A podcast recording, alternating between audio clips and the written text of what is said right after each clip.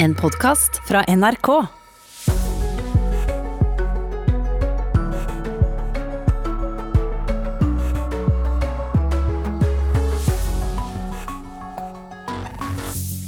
Smittetallene øker i hele Europa. Snart får du en oppdatert oversikt her i Nyhetsmorgen. Og hvordan skal vi forholde oss?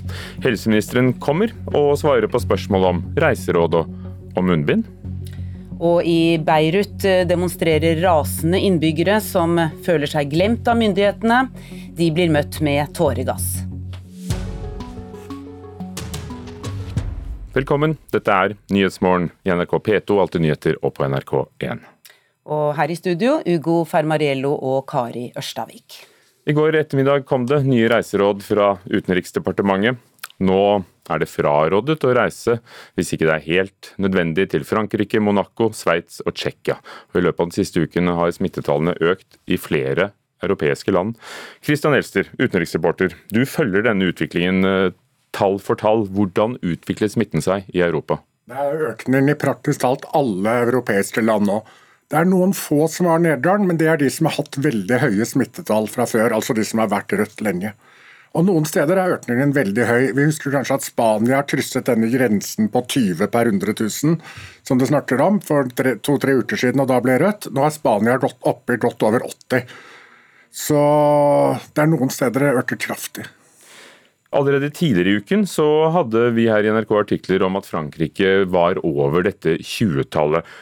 Det kan være forvirrende, for hvorfor ser tallene f.eks. vi noen ganger presenterer annerledes ut enn dem som ligger til grunn for, for reiserådene og Folkehelseinstituttets avgjørelser og anbefalinger? Ja, Dette er litt komplisert, men for å si det noe forenklet, så er reiserådene basert på hele uker. Altså forrige uke og uken før der igjen. Mens vi regner fra dag til dag, så de er mer oppdatert. Når det er sagt, så de følger godt med på FHI også. Sånn som Frankrike skulle kanskje ikke vært med helt i denne runden, men ble tatt inn allikevel, for de, de så hva som skjer. Frankrike, som du sier, Sveits og Tsjekkia ble, ble, røde nådd. Er, er, det andre land som nærmer seg denne grensen som er satt da, i Norge og de nordiske landene på, på, på 20 smittede per 100 000 innbyggere? Ja, Noen land er allerede over den grensen, selv om det ikke ble røde i går. Det gjelder Nederland, Polen og Island. Ellers så nærmer Østerrike og Storbritannia seg nå. Østerrike er på 19,8 eller noe sånt, og Storbritannia er også kraftig vekst. Og Så ser vi at noen land som har hatt veldig lave smittetall. Nå har en kraftig økning. Kypros de er tredoblet de siste dagene. Hellas har eh, doblet seg de siste ti dagene. De er fortsatt et godt stykke unna denne grensen på 20, men eh, det går gal vei. Du nevnte Spania. Italia er et land eh, hvor også smitteutbruddet var stort, og hvor de begynte i Europa. Hvordan går det i Italia? Italia de har hatt en bitte liten økning, ser det ut til. Men Italia er, Italia er stort sett den gode nyheten. De holder seg godt. Men for å oppsummere, det er altså ikke bare tall. Eh, hva skal til for at myndighetene karakteriserer et land som rødt? Det er noen andre kriterier. Det viktigste kriteriet er at antall prøver som blir tatt, av dem skal under 5% være positive. Og så er det noen regler for hvor mange stor andel de kan ha på intensivavdelinger. Og så er det noen andre kriterier som går på smittesporende informasjon. De kriteriene går vel først og fremst ut på om stoler vi på at de jobber ordentlig med splittesmedringen i landene. Takk skal du ha. Utenriksreporter Christian Elster. Agder kollektivtrafikk forbereder seg på at det kan komme et påbud eller anbefaling om at alle reisende må bruke munnbind. Derfor har selskapet gått til innkjøp av bomullsmunnbind. Tanken er å dele disse ut til reisende sammen med en flaske håndsprit. Men i Oslo er folk en smule skeptiske til bruk av munnbind. Reiser du ofte kollektivt? Ja, hver dag. Har du vurdert å bruke munnbind? Nei. Nei, jeg har ikke det. Nei, Jeg er ikke så glad i munnbind. Foreløpig er det lite folk på en av de travleste T-banestasjonene i Oslo. Folk holder god avstand og enn så lenge kan man se munnen på dem alle. Jeg har egentlig ikke tenkt så veldig mye på det. Men i Norge så føler jeg det er veldig få som bruker det. Så da blir det litt vanskelig å være den ene som begynner å gå med det. Men i løpet av neste uke vil det komme nærmere 40 000 studenter til byen. I tillegg til at rundt 200 000 innbyggere vender tilbake fra ferie. Og da er det ikke sikkert at det er like glissent på perrongen som i dag. Og nå vurderes det for alvor om det skal komme et påbud eller et generelt råd om å bruke munnbind når man skal ta offentlig transport. Agder kollektivtrafikk har gått til innkjøp av bomullsmunnbind, men Ruter i Oslo stiller seg avventende. Hvis det eventuelt kommer noe munnbind, så må vi ta stilling til det når myndighetene selv eh, sier noe om det. Sier kommunikasjonssjef i Ruter, Katrine Myhren. Men har dere ikke lagt noen plan for hvis det kommer et uh, mulig påbud, eller en, et råd om at folk bør ha på seg munnbind når de reiser kollektivt? Jeg tenker heller at jeg har lyst til å snu om på det og si at siden mars så har vi sammen med førere og alle ansatte i kollektivtrafikken hele tiden innført tiltak og justert ut fra de rådene som fins fra, fra eksperter og myndigheter som kan eh, helse og smittevern. Og det kommer vi til å fortsette å, å gjøre. Vær vennlig og hold én meters avstand til andre reisende. Er det et påbud om å bruke munnbind, så må jeg bruke munnbind. For jeg er jo avhengig av kollektiv til jobb. Men jeg, jeg er ikke noe begeistra for påbud. Det kan være anbefaling hvis det er veldig trangt. Men ellers så syns jeg det er bedre at eh, folk prøver å holde avstand.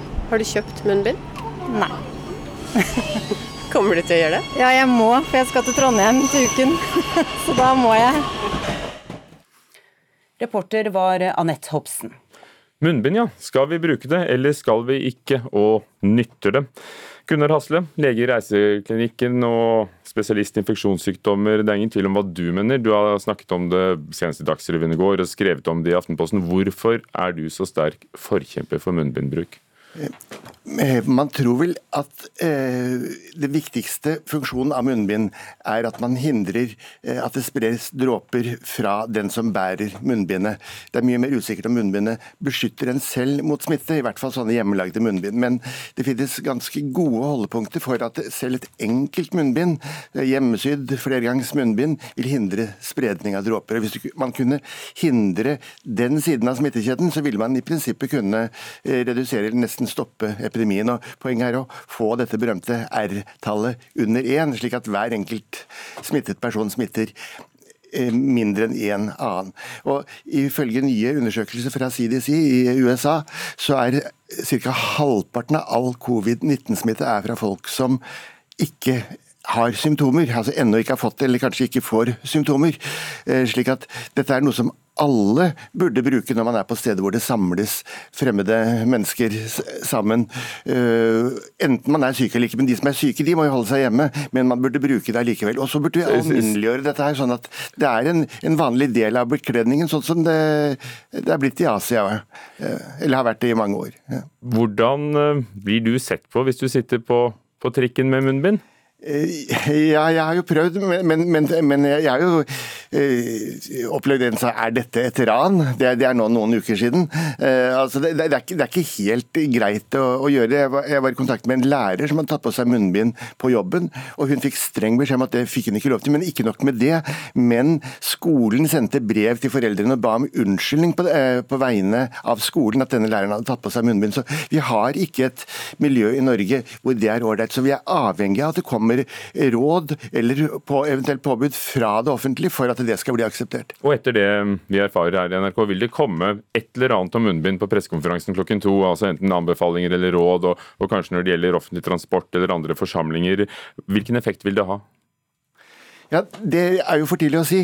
Eh, og, Tror du? Eh, jeg, jeg håper jo at eh, om vi begynner å bruke munnbind på konserter og kinosaler, sånn, så, så, kan kanskje kulturlivet åpne som normalt igjen. Eh, vi er helt i starten av denne epidemien. Vi tror liksom at dette er et, eller Mange tror at dette er et eh, mareritt som snart går over, og de er lei av budskapet om, eh, om å forebygge smitte. Dette her kommer til å vi måtte leve med i hvert fall i to år, inntil det blir en allment tilgjengelig vaksine. Men om hvor mye effekt det har, det vet jeg ikke. Men eh, hvis vi nå kan først starte med å innføre et munnbindpåbud i eh, f.eks. kinoer, eh, og anbefaling på eh, kollektivtransport, skoler, butikker. Da kanskje bare hjemmelagde flergangs munnbind. Men, men, det er jo flere som, som også er leger og har god greie på ting, som sier at det er ingen entydige faglige råd på at dette hjelper. Hva sier du til dem? Det er veldig vanskelig å gjøre eksperimentelle studier på den smittekildesiden i felt. Det er vanskelig å gjøre feltstudier. altså Du kan gjøre eksperimentelle studier, og de eksperimentelle studiene tyder på at selv enkle munnbind reduserer mengden dråper som slipper gjennom, kanskje med en 80-90% Det er eksperimentelle studier, men du kan ikke studere i samfunnet effekten av eh, placebo-munnbind eller eh, ordentlig munnbind når alle sammen er av bomull. Altså, det vil være veldig vanskelig å designe en eksperimentell studie studie eh, i felt, så det må gjøres i laboratorier. og i Laboratoriestudier viser at et tettvevet bomullsstoff eh, i veldig stor grad reduserer spredning av dråper. og Man tror at smitten av covid-19 i hovedsak skjer ved dråper gjennom luft. Og Så får vi bare håpe at myndighetene ikke gjør det så veldig vanskelig, dette her med munnbind, at, at man skal vaske dem i 60 grader. Så jeg mener Dette er et virus som blir ødelagt av vanlig håndvask, og da må vi anta at det er tilstrekkelig å bare vaske det sammen med vanlig tøyvask. Vi får høre eh, pressekonferanse klokken 14 i dag. Bent Høie er med oss ganske snart. Takk skal du ha, Gunnar eh, Hasle, lege i Reiseklinikken. Takk for at jeg fikk komme. I Libanon har, eh, stats, har, sikkerhetsstyrker skutt tåregass mot frustrerte demonstranter i natt. 149 mennesker er nå døde og mer enn 5000 skadet etter eksplosjonen i Beirut på tirsdag. Vanlige folk har strømmet ut i gatene, også for å hjelpe til med å rydde opp etter ødeleggelsene, men eh, de etterlyser hjelp fra myndighetene. Korrespondent eh, Sissel Wold, du står nede i havna i Beirut eh, like ved der eksplosjonen skjedde. Hvordan vil du beskrive stemningen i byen? Ja, det er veldig stille nå, for det er morgen. Men jeg står og ser mot denne totalt ødelagte kornsiloen. Eh, og jeg ser at røyken fremdeles eh, stiger opp. Jeg ser hele skyline til eh, Beirut. Dette er jo en veldig vakker by. Men det er jo enorme ødeleggelser også, som jeg ser på bygningene rundt her nå. På veien hit så traff jeg mange joggere. Beirut er jo en by som ikke bare gir opp, det er veldig tydelig. Men det folk er veldig frustrert over, er at hele systemet, det politiske systemet, gjør at dette landet ikke fungerer. og ikke har fungert på mange, mange år. Og nå har de virkelig fått nok etter dette lageret med eksplosiver, som helt unødvendig var lagret her, og som gikk i lufta og ødela store deler av byen. Og nå blir disse frustrerte innbyggerne møtt med tåregass. Hvordan blir det mottatt? Jeg husker Før dette skjedde, så snakket jeg med en eh, libanesisk kollega. og Hun sa at det skal bare en gnist til før hele landet er i opprør. Og Denne eksplosjonen kan kanskje være den gnisten, det vet vi jo ikke. Men eh, jeg hører at det er tydeligst tydeligvis demonstrasjoner i Nord-Libanon i morgen. Og vi så i går også hvordan veldig mange ungdommer kom ut i gatene for å ta grep. Du fulgte litt av den frivillige innsatsen i oppryddingsarbeidet i går. Hvordan var det? Det var veldig sterkt og rørende, og samtidig tankevekkende og opprørende. fordi at eh, Hvis du sammenligner med Norge Tenk hvis eh, masse ungdommer måtte komme og rydde opp etter eksplosjonen i, i regjeringskvartalet 22.07.2011. At myndighetene ikke gjorde noe. Denne eksplosjonen som var her, var nesten 3000 ganger sterkere enn det vi hadde i sentrum i Oslo 22.07. Eh, og her kommer jo ungdommer for å rydde opp. Og det er klart, med koster og med eh, måker og spader så kan de, gjort, få gjort en del. Men jeg ser jo her utover store høyhus som er totalt eh, ødelagt. Og der kan jo ikke ungdommer komme inn. Så hvor er myndighetene? Det er jo det alle spør seg om her. De føler at de virkelig er overlatt til seg selv og et lederskap som er totalt udugelig, og som ikke snakker til dem i en tid som dette her. Frankrikes president Emmanuel Macron var eh, også i Beiruts gater i går. og Hvorfor var det så viktig for han å være der? Ja, det er jo veldig interessant at en eh, vestlig leder, en europeisk leder, var den som kom og brettet opp eh, skjorteermene og møtte folk ute, mens folk lurte på hvor er president eh, Michel Aoun, hvor er statsminister Hassan Diab. Nå var det riktignok noen libanesiske Den libanesiske justisministeren prøvde å komme etter Macron, men hun ble bare jaget bort og pepet ut. Men Frankrike har jo en lang historie i Libanon. Dette er jo tidligere ikke en koloni, men et et eh, fransk eh, mandatområde.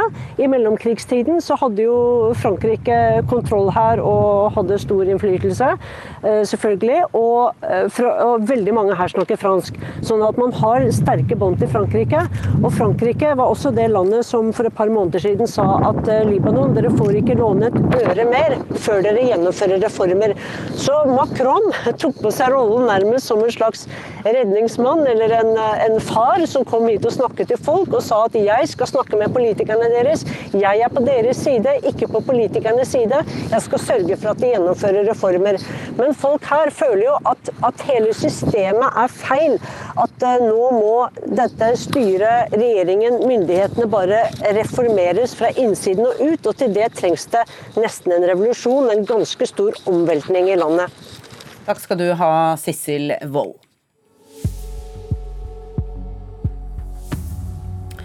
Klokka er 7.19 eh, øyeblikkelig. Du hører på Nyhetsmorgen. Over 100 smittetilfeller av koronavirus er registrert i Norge de siste to dagene, og smitten øker over hele Europa.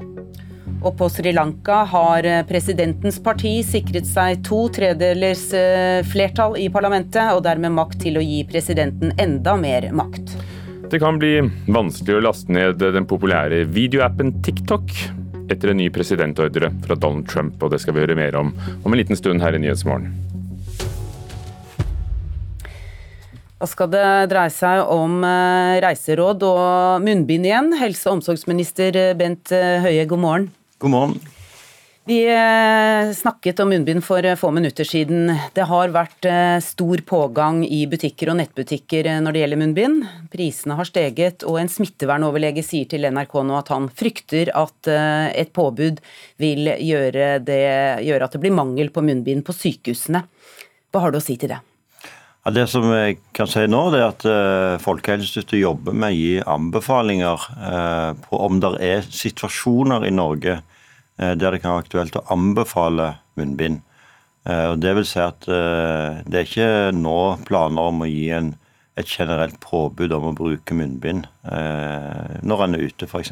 Men det kan være situasjoner. Men det som er viktig, det er å vite at munnbind vil ikke erstatte det viktige tiltaket som å holde minst én meters avstand til hverandre. Sånn at eh, Hvis en kommer til å anbefale munnbind, så vil det være snakk om der det er situasjoner der det er vanskelig å holde avstand, f.eks. på kollektivtransporten i rushtiden. Men dette kommer vi tilbake igjen til senere i dag. Men hvordan skal dere sikre at det er nok munnbind til alle? Ja, Det vil jo bli litt avhengig av i hvilke situasjoner det blir anbefalt bruk av munnbind. Og så er det jo sånn at det er jo ikke eh, eh, sikkert at det er bare den type sånn kirurgiske munnbind, som det heter, som, eh, som er vanlig å se at de selger på apotek, som kan bli anbefalt. Og eh, munnbind som, eh, som er tøymunnbind, som du òg kan eh, bruke om igjen og vaske. Eh, og, og, og, Derfor så er det òg viktig at eh, hvis det kommer anbefalinger med bruk av munnbind i spesielle situasjoner, så vil òg til å være uh, veldig mye informasjonsarbeid knytta til det. Både på riktig bruk og hvilken type munnbind en kan bruke. Så om uh, reiserådene Utenriksdepartementet frarådet uh, altså i går reiser som ikke er strengt nødvendige til Frankrike, Monaco, Sveits og Tsjekkia. Og for mange betyr det avlyste ferieturer, karantene og mulig forvirring også rundt planleggingen av høstferien f.eks. Vi skal først høre statssekretær Anne Grete Erlandsen, som eh, uttalte seg for to uker siden. Nå er det jo en god smittesituasjon i Norge, og det er jo noe vi har opparbeida oss fordi at det er rett og slett resultatet av dugnaden eh, som vi nå har holdt på med lenge. Og det er et veldig stort eh, inngrep i folks mulighet til å bevege seg og si at du får ikke lov til noen ting. Sånn at det gjør vi jo egentlig ikke. Har, det har jo aldri vært forbudt å reise, men vi har ikke, vi ikke tilrådd det. Dette er eh, et to uker gammelt eh, opptak. Situasjonen er litt annerledes nå. Var Norge for raske med å åpne opp? Nei, fordi vi har åpnet opp eh, etter blant de strengeste kriteriene i Europa til andre land som òg har da en smittesituasjon som er, som er blitt av helsemyndighetene rent som trygg nok til at vi ikke kan si at ikke reis til det landet. Men det har òg vært sånn at vi hele veien har sagt at det tryggeste en gjør, det er å planlegge ferie og reiser i Norge hvis det er snakk om fritidsreiser. Og at en må være forberedt på at hvis en reiser til et land i Europa nå, så kan landet bli rødt eh, på kort tid, og at dermed at en må i karantene. Eh, så det er jo den usikkerheten som den enkelte har fått beskjed om at det gjelder i denne situasjonen, og det har jo òg vist seg å slå til, dessverre. Og vi må være forberedt på at eh, stadig flere land i Europa nå når et smittenivå som gjør at vi ikke vil anbefale å reise dit. Etter at Spania ble rødt, så kom det jo nordmenn fra Spania hjem og, og, og, smittet folk. De slapp eh, karantene. Hvorfor er det ikke slik at når et land blir rødt, så blir det karantenepliktig med en gang? Det er jo rett og slett fordi at en eh, regner med at en, da er i en tidlig fase. Norge har jo sammen med Finland det laveste nivået for at et land skal bli, bli rødt. Eh, men vi, vi er jo òg i en situasjon der det blir sendt SMS til alle de som er i det landet eh, med en varsel i forkant. Eh, og det er også sånn at vi oppfordrer de om å være spesielt årevåkne på, på symptomer. Men hvorfor må de ikke i karantene med en gang når landet blir rødt? Det er rett og slett av de grunnene som jeg nå sa. Det er jo for å redusere redusere risikoen, sånn at de får en beskjed i forkant. Eh, vi ønsker å gå ut før, eh, flere dager før landet blir rødt, eh, for å gi folk den muligheten til å planlegge. Dette er jo en balanse mellom å prøve nettopp å gi folk en viss forutsigbarhet, samtidig som ivaretar smittehensyn. Okay. Alle regioner i Danmark er i dag grønne. Hvilke står i fare for å bli røde? Det er jo med utgangspunkt i smittetallene. Og så er det sånn at en av regionene i Danmark som kunne vært rød, er, der er utbruddet knytta til en veldig konkret situasjon, nemlig utbruddet på et slakteri. Eh, og Den type vurderinger gjør òg Folkehelseinstituttet når de anbefaler om en region i Norden skal eh, bli eh, rød eller ikke. Sånn at Hvis det er et veldig avgrensa utbrudd som, som, jo ikke nødvendigvis øker smittefaren for nordmenn som er på reise dit, så kan det være at et land som ligger akkurat, eller en region eh, som ligger akkurat på grensen, allikevel forblir eh, grønn. Ja, takk skal du ha, Bent eh, Høie. Du kommer tilbake i Politisk eh, kvarter klokka 7.45 for å snakke mer om bl.a. munnbind og om offentliggjøring av smitteutbrudd.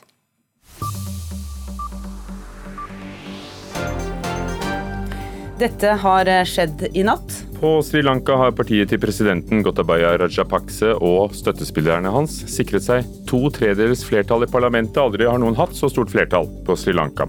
Det vil gi det makt til å endre grunnloven, til å gi presidenten enda mer makt. Og da vil han gjøre storebroren sin til statsminister igjen. Det er han allerede. Det var ventet at eh, Sri Lankas folkefront ville vinne valget, men altså ikke så overveldende. Opposisjonen gikk fra 100 seter i parlamentet til bare ett. Og USAs eh, president eh, Donald Trump skrev i natt norsk tid under på to presidentordrer som forbyr amerikanere i å gjøre forretninger med de kinesiske appene TikTok og WeChat. WeChat. Trump sier appene utgjør en trussel mot USAs sikkerhet, siden de samler inn data om brukerne. Samtidig har amerikanske Microsoft fortsatt samtalene med TikTok om å kjøpe virksomheten deres utenfor Kina, ifølge Financial Times. 59 personer er bekreftet smittet av koronavirus i løpet av det siste døgnet i Norge, ifølge Folkehelseinstituttet, og smittetallene øker over hele Europa. Og dette skjer i dag, hvis du følger med på NRK Nyheter. Det skjer kanskje uansett, men vi, det er et godt sted å følge med.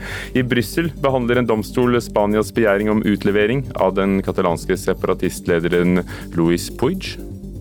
Og regjeringen holder pressekonferanse klokka 14 om koronapandemien sammen med Folkehelseinstituttet. Og myndighetene kan altså komme til å anbefale bruk av munnbind når vi reiser kollektivt.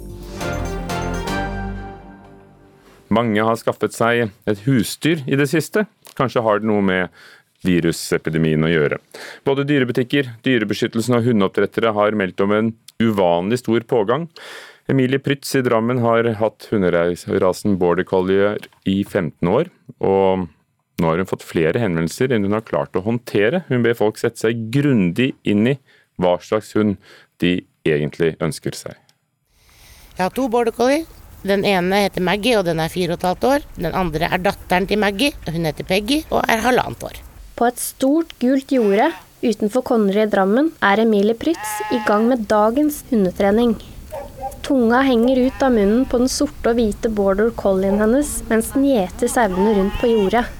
Ja, du er flink. Jeg vet du ikke hvorfor er så nærme. Jeg vet det. Mor Maggie har fått to kull. Det første kullet på åtte valper, som ble født for ett og et halvt år siden, fikk 15 henvendelser fra interesserte kjøpere.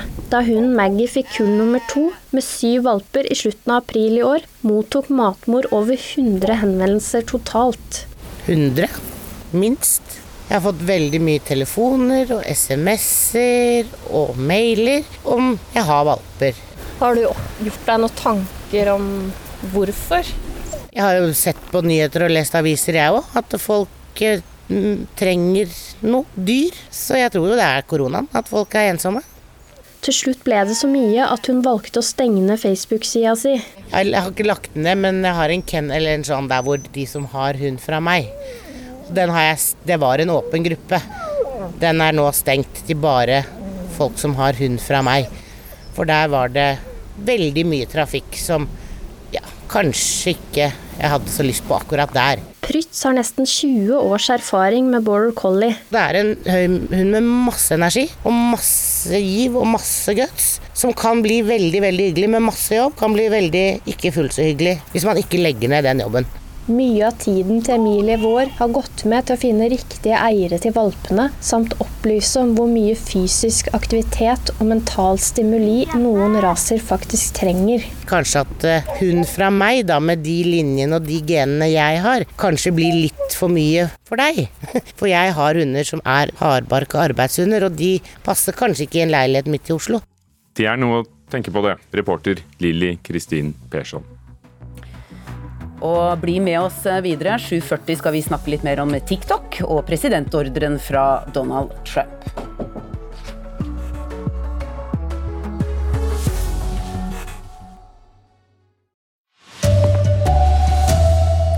Kollektivselskapene forbereder seg på nye råd om bruk av munnbind for passasjerer. NHO mener arbeidsgiverne bør få bestemme hvem som skal ha hjemmekontor eller ikke.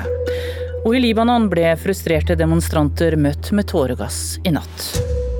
God morgen, her er NRK Dagsnytt, klokka er 7.30. Ja, I dag kan det altså komme råd om å bruke munnbind på tog, buss, trikk og T-bane. Kollektivselskapene forbereder seg på ulikt vis, og har ulike meninger om hvorvidt et råd eller påbud er nødvendig. Agder kollektivtrafikk har kjøpt inn munnbind de kan dele ut, mens Ruter i hovedstadsområdet venter. Det sier kommunikasjonssjef Katrine Myhren.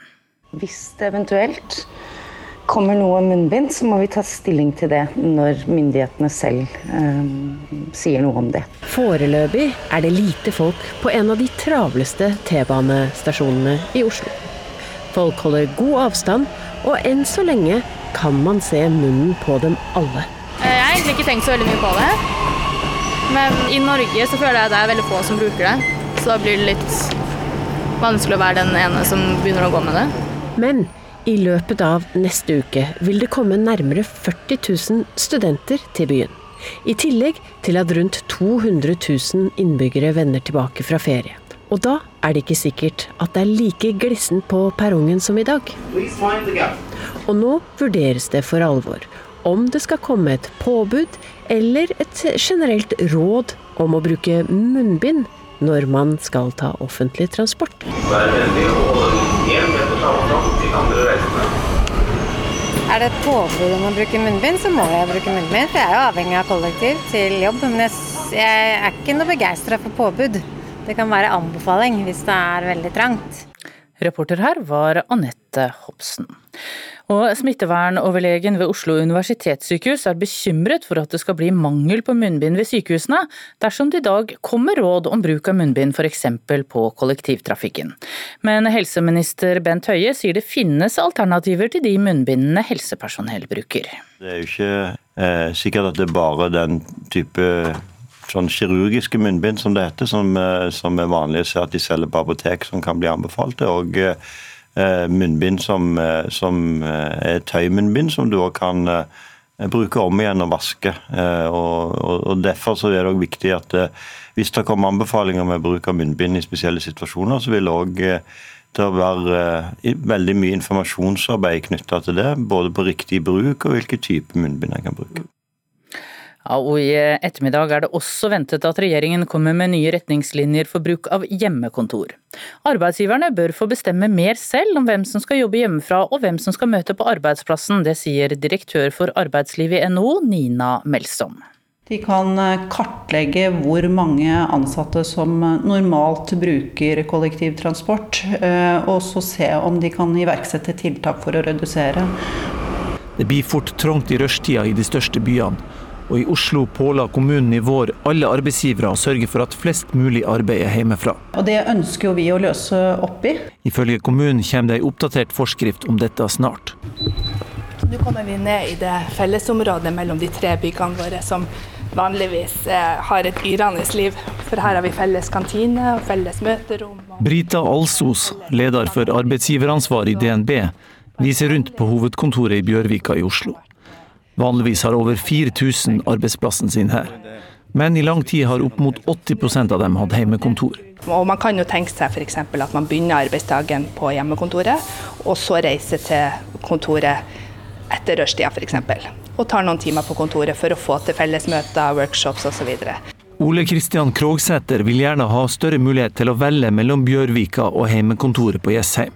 Jeg liker jo egentlig best å være på kontoret, da.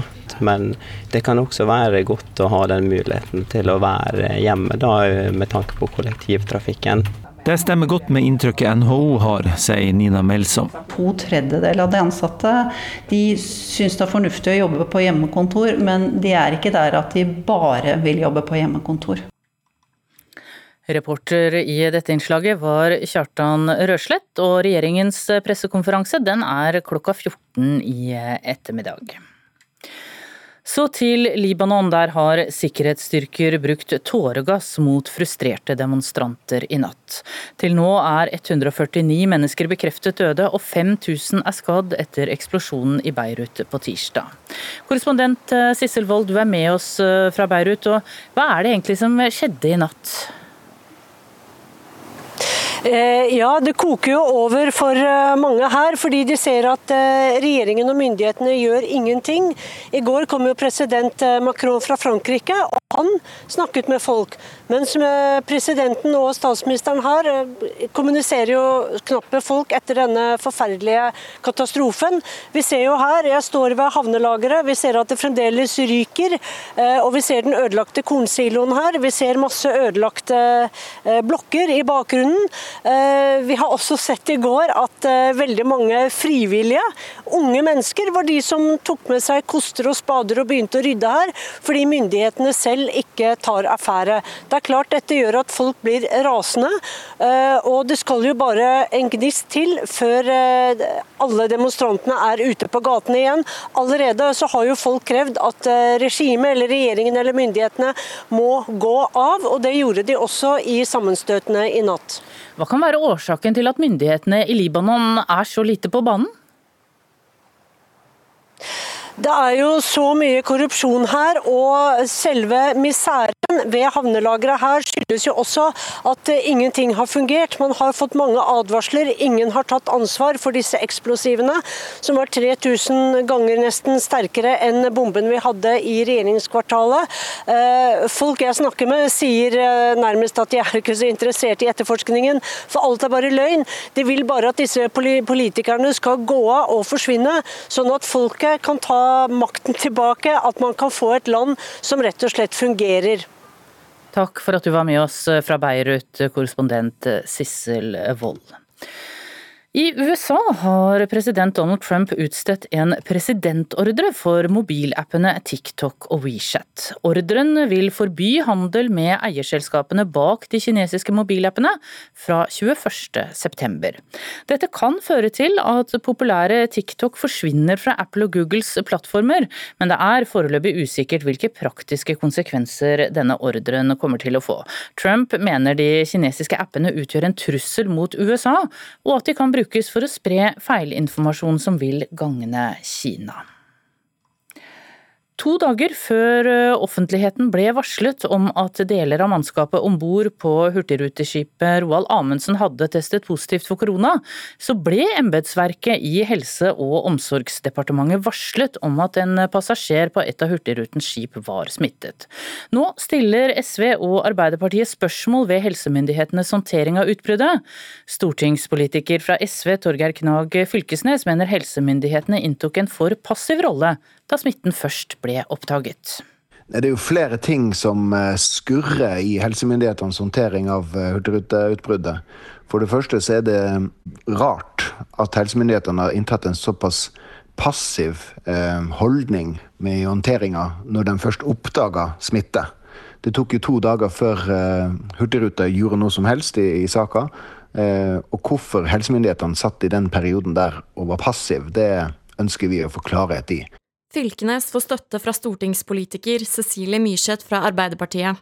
Det er veldig mange ting som skurrer rundt, eh, rundt denne situasjonen. Eh, det kommer jo flere spørsmål om hva som, eh, hva som har skjedd i forkant, før vi fikk vite noe. Helse- og omsorgsminister Bent Høie avviser imidlertid at helsemyndighetene har vært for passive i håndteringen. Nei, det har ikke vært noe passiv håndtering der. Tvert imot. Folkehelseinstituttet, Tromsø kommune ikke minst, har virkelig stoppet og håndtert den eh, situasjonen. Men på det tidspunktet der en hadde én smitta person i én kommune som kunne ha blitt smitta på Hurtigruten, og Hurtigruten sjøl sa de skulle varsle passasjerene, så var det ingen grunn til å tvile på det. Hvorfor gikk dere ikke ut med denne informasjonen med en gang? Ja, det var rett og slett fordi eh, vi syntes det var riktig at eh, de som var passasjerer på båten fikk beskjed om dette direkte. Og fikk vite det før de kunne lese det i media. og det kunne selvfølgelig ikke falle oss inn at Hurtigruten ikke ville følge opp det som de sa, nemlig at de ville informere passasjerene. Reportere i dette innslaget var eh, Torkil Stoltz og Emilie Solberg. Og helseminister Bent Høie møter SVs Karin Andersen for å snakke mer om dette i Politisk kvarter på P2 om fem minutter. Ansvarlig for Dagsnytt i dag er Jaran Ree Mikkelsen. Her i studio Tone Nordahl.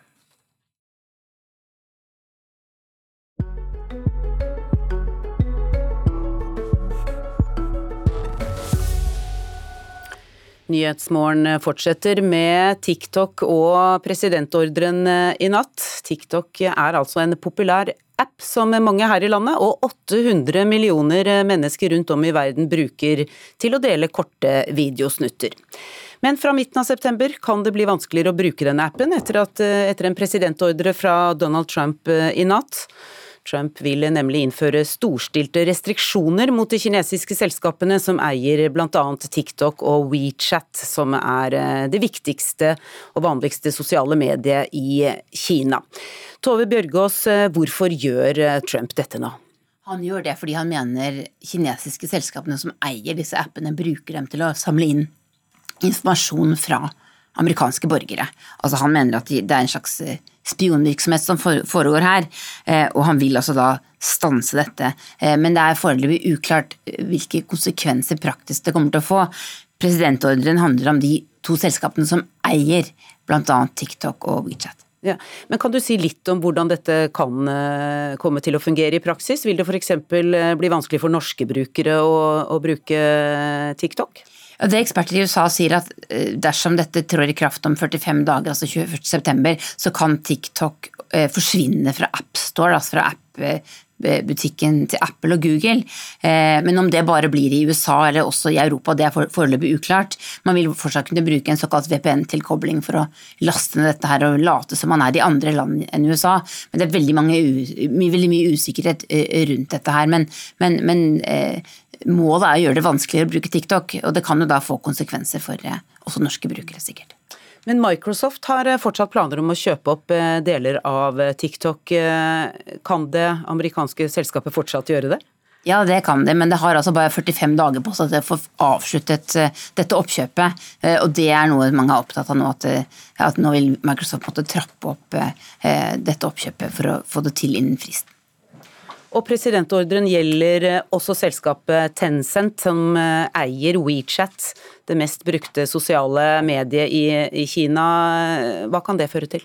Altså WeChat er det eh, sosiale mediet som brukes som Facebook og, Twitter av veldig mange kinesere, fordi det ikke er lov å bruke bl.a. Facebook i, Kina.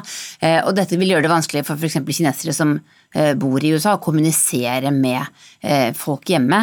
Eh, det som også dette kan få som konsekvens, er at Tencent eier Epic Games, som bl.a. eier eh, spillet Fortnite, et veldig populært dataspill som mange i Norge spiller. Kanskje kan det også få konsekvenser for Epic Games. Eh, veldig mye uklart. Uklart også om det blir søksmål her. Det som er helt sikkert, er at, eh, at dette er en, en, av de største provokasjonene mot Kina fra, fra Donald Trump. Og, og, hva er reaksjonene fra Kina på denne presidentordren? Det har kommet lite uh, i form av uttalelser fra, fra, Kina så langt, men det er ventet at Kina kommer til å svare på dette på en eller annen måte. Og jeg tror også det er veldig sannsynlig at det kommer til å komme søksmål her veldig raskt. Uh, veldig mye uklarhet rundt dette her, men altså en, en dramatisk opptrapping av måte, handelskrigen og, og nettkrigen mellom USA og Kina. Og hvilke reaksjoner eh, kommer i USA på dette? Mest reaksjoner på hva det vil innebære i praksis, og hvordan dette skal gjennomføres i praksis, og hvilke konsekvenser det faktisk vil få, og om det i det hele tatt er lovlig for presidenten å utstede en slik ordre. Så, så vi vil nok få svar på, på, på, mange av disse tingene i løpet av de nærmeste dagene. Det er altså bare 45 dager til disse presidentordrene skal trå i kraft. Ja, og nå tyder, Det kan faktisk tyde på at det ikke er lovlig heller? Det kan godt tenkes at det kommer til å gå en god runde i, i, rettssystemet. Det vil sannsynligvis ta det vil ta mer enn 45 dager å, å gjennomføre den runden. Takk skal du ha, Tove Bjørgaas.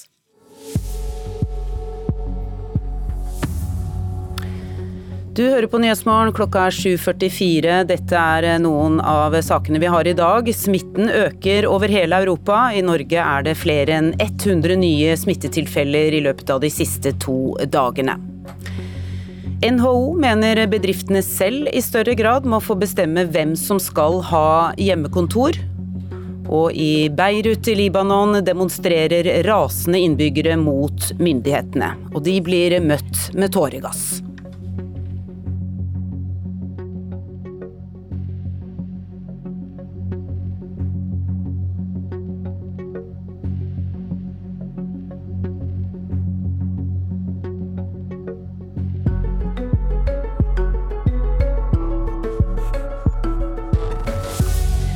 SV krever mer åpenhet om smitteutbrudd, mener det ikke holder mål at Helsedepartementet visste om smitta på Hurtigruten i to døgn uten å offentliggjøre det. Og i dag kommer nye råd om munnbind. Hvem skal ta regninga når prisene går i været? God morgen, du hører eller eh, ser på Politisk kvarter.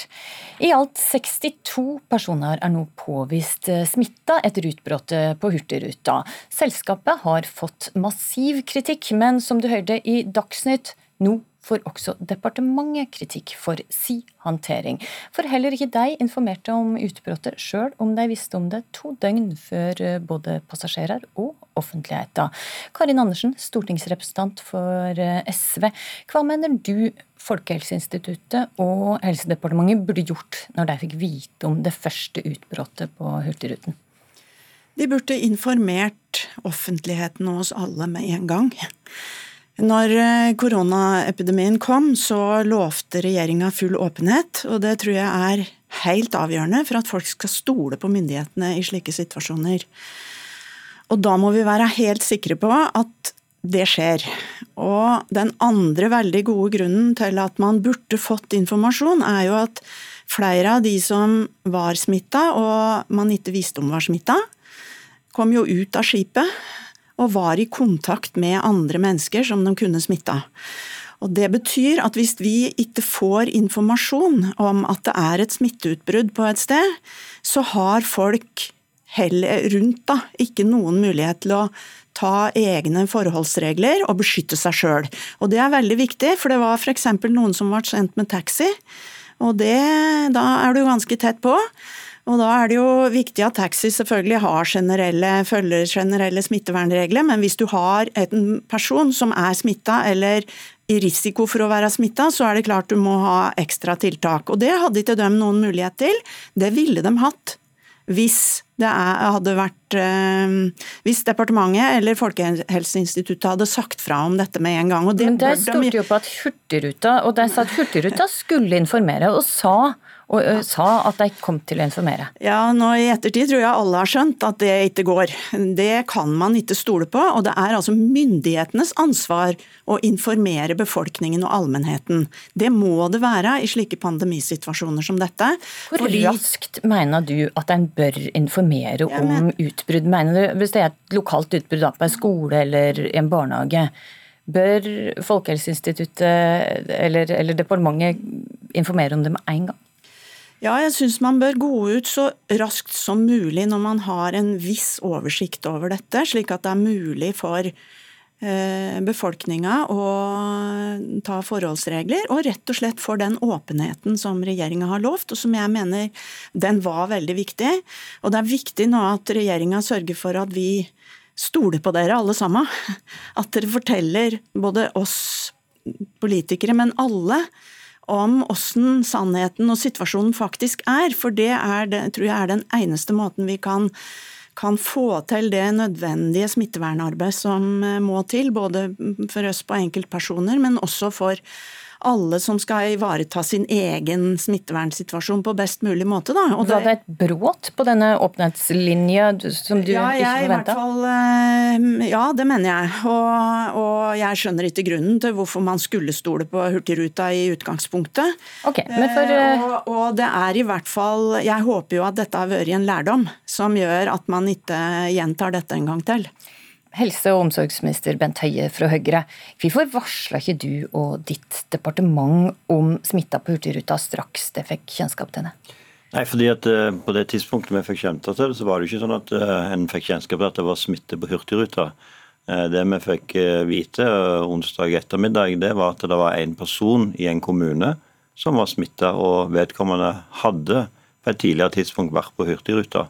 Eh, og Da ble jo Hurtigruta kontakta og, og, bedt om å eh, informere de som hadde vært på den, eller var på den reisen om det. Og Det er jo det som... Det viste seg også å være en litt dårlig idé å stole på at Hurtigruta altså, skulle få, få, Ja, og det, det, har jo, det, har jo, vist seg i ettertid.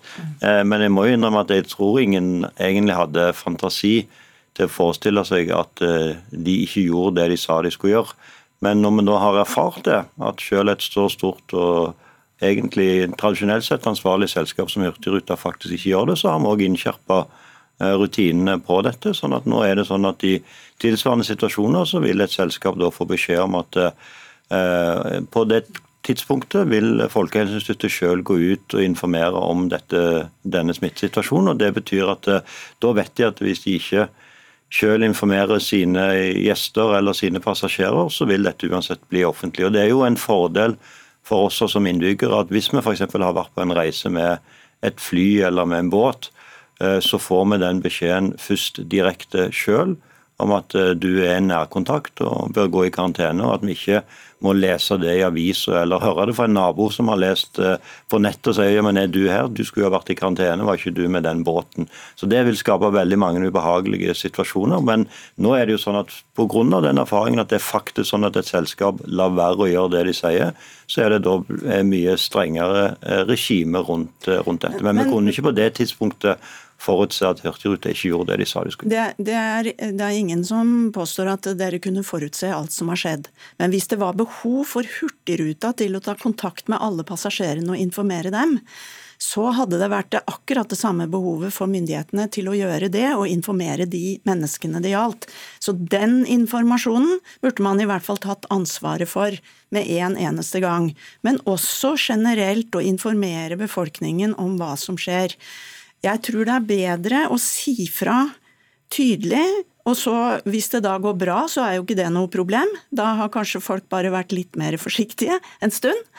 Men det at, eh, for å si sånn, hvis det er behov for at et selskap som Hurtigruta skal gå ut og informere alle som har vært om bord, så mener jeg at det ansvaret også bør ligge til myndighetene. Og jeg skjønner jo at eh, det skjønner også nå både ministeren og Folkehelseinstituttet at man ikke kan overlate det til private kommersielle bedrifter som ja, I denne saken så ser det jo også ut som om Hurtigruta har liksom hatt et ønske om å holde dette så skjult som mulig. da. Ja, og det har man vært inne på, men, men, men bare, hvorfor, hvorfor, er det viktig at et selskap skal få lov til å komme med denne informasjonen og få lov til å offentliggjøre det først? Hvorfor kan ikke eh, Folkehelseinstituttet gjøre det? Nei, Det er ikke viktig at det er de som offentliggjør det først, men det er viktig at det er de som faktisk sitter med kontaktinformasjonen, eh, som raskt kan informere, eh, gjør det og at det, det, er en plikt som de har. Eh, og Jeg er ikke enig i SV i at den plikten nå skal flyttes til eh, det offentlige. fordi det vil både gjøre at det vil bli, kunne bli forsinkelser i informasjonen, Eh, men det vil òg kunne føre til at det blir eh, en eh, økt arbeidsbelastning bl.a. på Folkehelseinstituttet eller, eller, kommunene i noe som allerede er veldig arbeidskrevende. Sånn men, men, men, bare for å få litt klarhet i dette, fordi at nå sier du at det er ikke viktig at selskapene sjøl får, får offentliggjøre det først, men at det også har endra på reglene slik at et selskap skal få lov til å offentliggjøre det først, og så med trussel om at Folkehelseinstituttet kommer til å offentliggjøre det hvis ikke det selv gjør det. Det må skille mellom eh, offentliggjøring og det å ta kontakt med de som er berørt. Selskapet sin plikt er ikke å offentliggjøre dette, det er å ta kontakt med de som er berørt. Men eh, hvis en er i en situasjon der veldig mange mennesker er berørt, og sender ut beskjed om at du har vært i nærkontakt, så vet en jo òg at det blir en offentlig sak. Så de fleste selskaper vil jo da òg sannsynligvis legge ut en nettsak og, og sånt. men Poenget er at vi uansett, og det har vi jo gjort hele veien, vi offentliggjør smitteutbrudd. Eh, og det er ingen hemmelighold eller noe som helst, og selvfølgelig har vi ingen interesse av det. Tvert imot.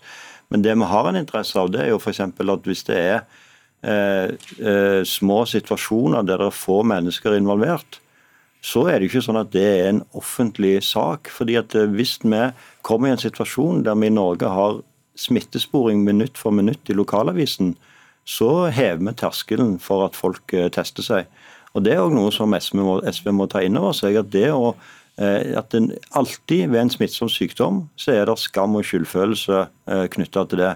Og Hvis folk opplever at de i, med små lokale eller i smitter i, i små grupper blir noe som eh, skal liksom eh, fortelle alt rundt, sånn at det er lett å identifisere hvem er det som er smitta, hvem er det som har vært involvert. Du får livet ditt, ser du, ser du, du får livet ditt i ti dager bretta ut i lokalavisen. Da er faktisk det noe som fører til økt smitte i samfunnet. Det eh, tror jeg Bent Høie veit ikke er SVs intensjon i det hele tatt. Og Det er derfor det er så viktig at det er det offentlige som ivaretar denne informasjonen, og mest mulig av dette arbeidet. Nettopp fordi det offentlige kan håndtere den type eh, personvern på en helt annen måte enn det jeg tror et eh, privat selskap kan gjøre.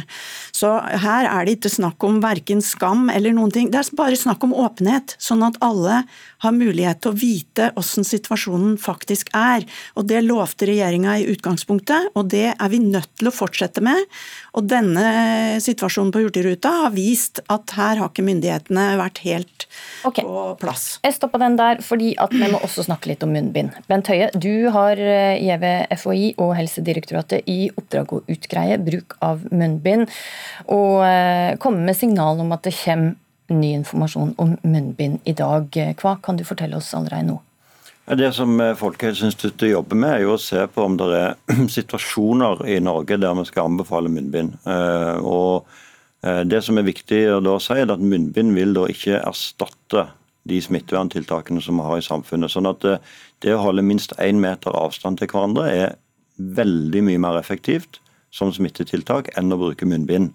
Uh, okay, jo, men Kommer det et uh, påbud eller ei Nei, altså det, det kommer vi tilbake til senere i dag. Men det vil heller okay. ikke være sånn at den, det er ikke sånn at det eventuelt kommer en anbefaling til folk om å bruke munnbind uh, over natten. sånn at dette er noe som en skal Litt kunne forberede seg på. Ja. Karin Andersen, du var en runde på apoteka i går. Hva fant du ut? Nei, Jeg fant ut at prisen på munnbind er jo nå oppe i en sånn 16-17 kroner stykket.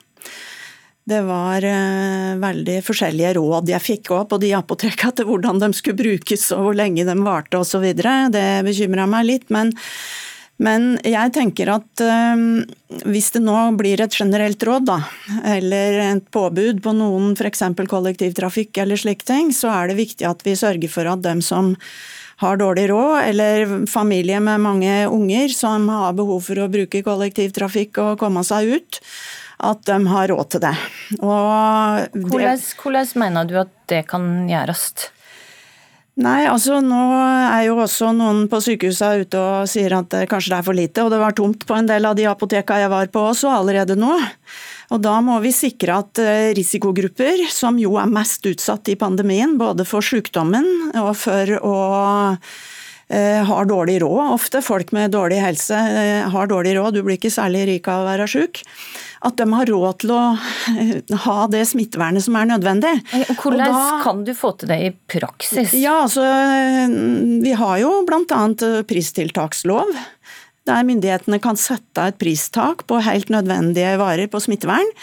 Og Smittevernloven gir også ministeren mulighet til å sikre i hvert fall utsatte grupper som er spesielt utsatt for smitte og som har stor interesse av å beskytte seg sjøl gratis smittevern. Og Det er viktig, for det vi vet under koronaepidemien er jo at mange folk blir isolerte fordi de er redde.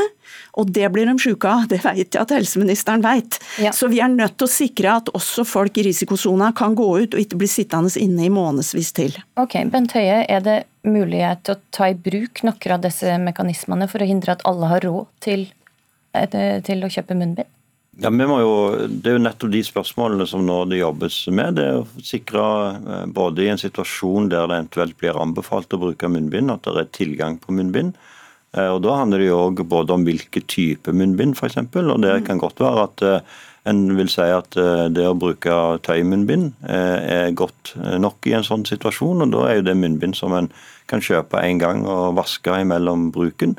Eh, og så er det også viktig at vi får informasjon om riktig bruk av munnbind, og hva som er hensikten med bruk av munnbind.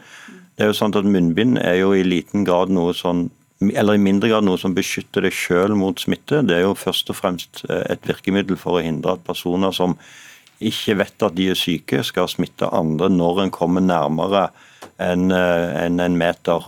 Og Det betyr òg at og så er det jo sånn at det er vanskelig å bruke munnbind riktig. Så vi må, hvis vi anbefaler bruk av munnbind Det har du sjøl et bevis på. Og det betyr òg at de, de veldig altså der er eh, og Det at barn eventuelt skal bruke munnbind, det ser jeg som eh, veldig lite sannsynlig. Eh, fordi at eh, det er både fordi at det er veldig vanskelig for de å bruke munnbind, og er lite, de er også, spiller en mindre rolle i smittespredning. Okay. Pressekonferansen om koronasituasjonen der det er venta mer informasjon om dette, den er klokka 14 i dag.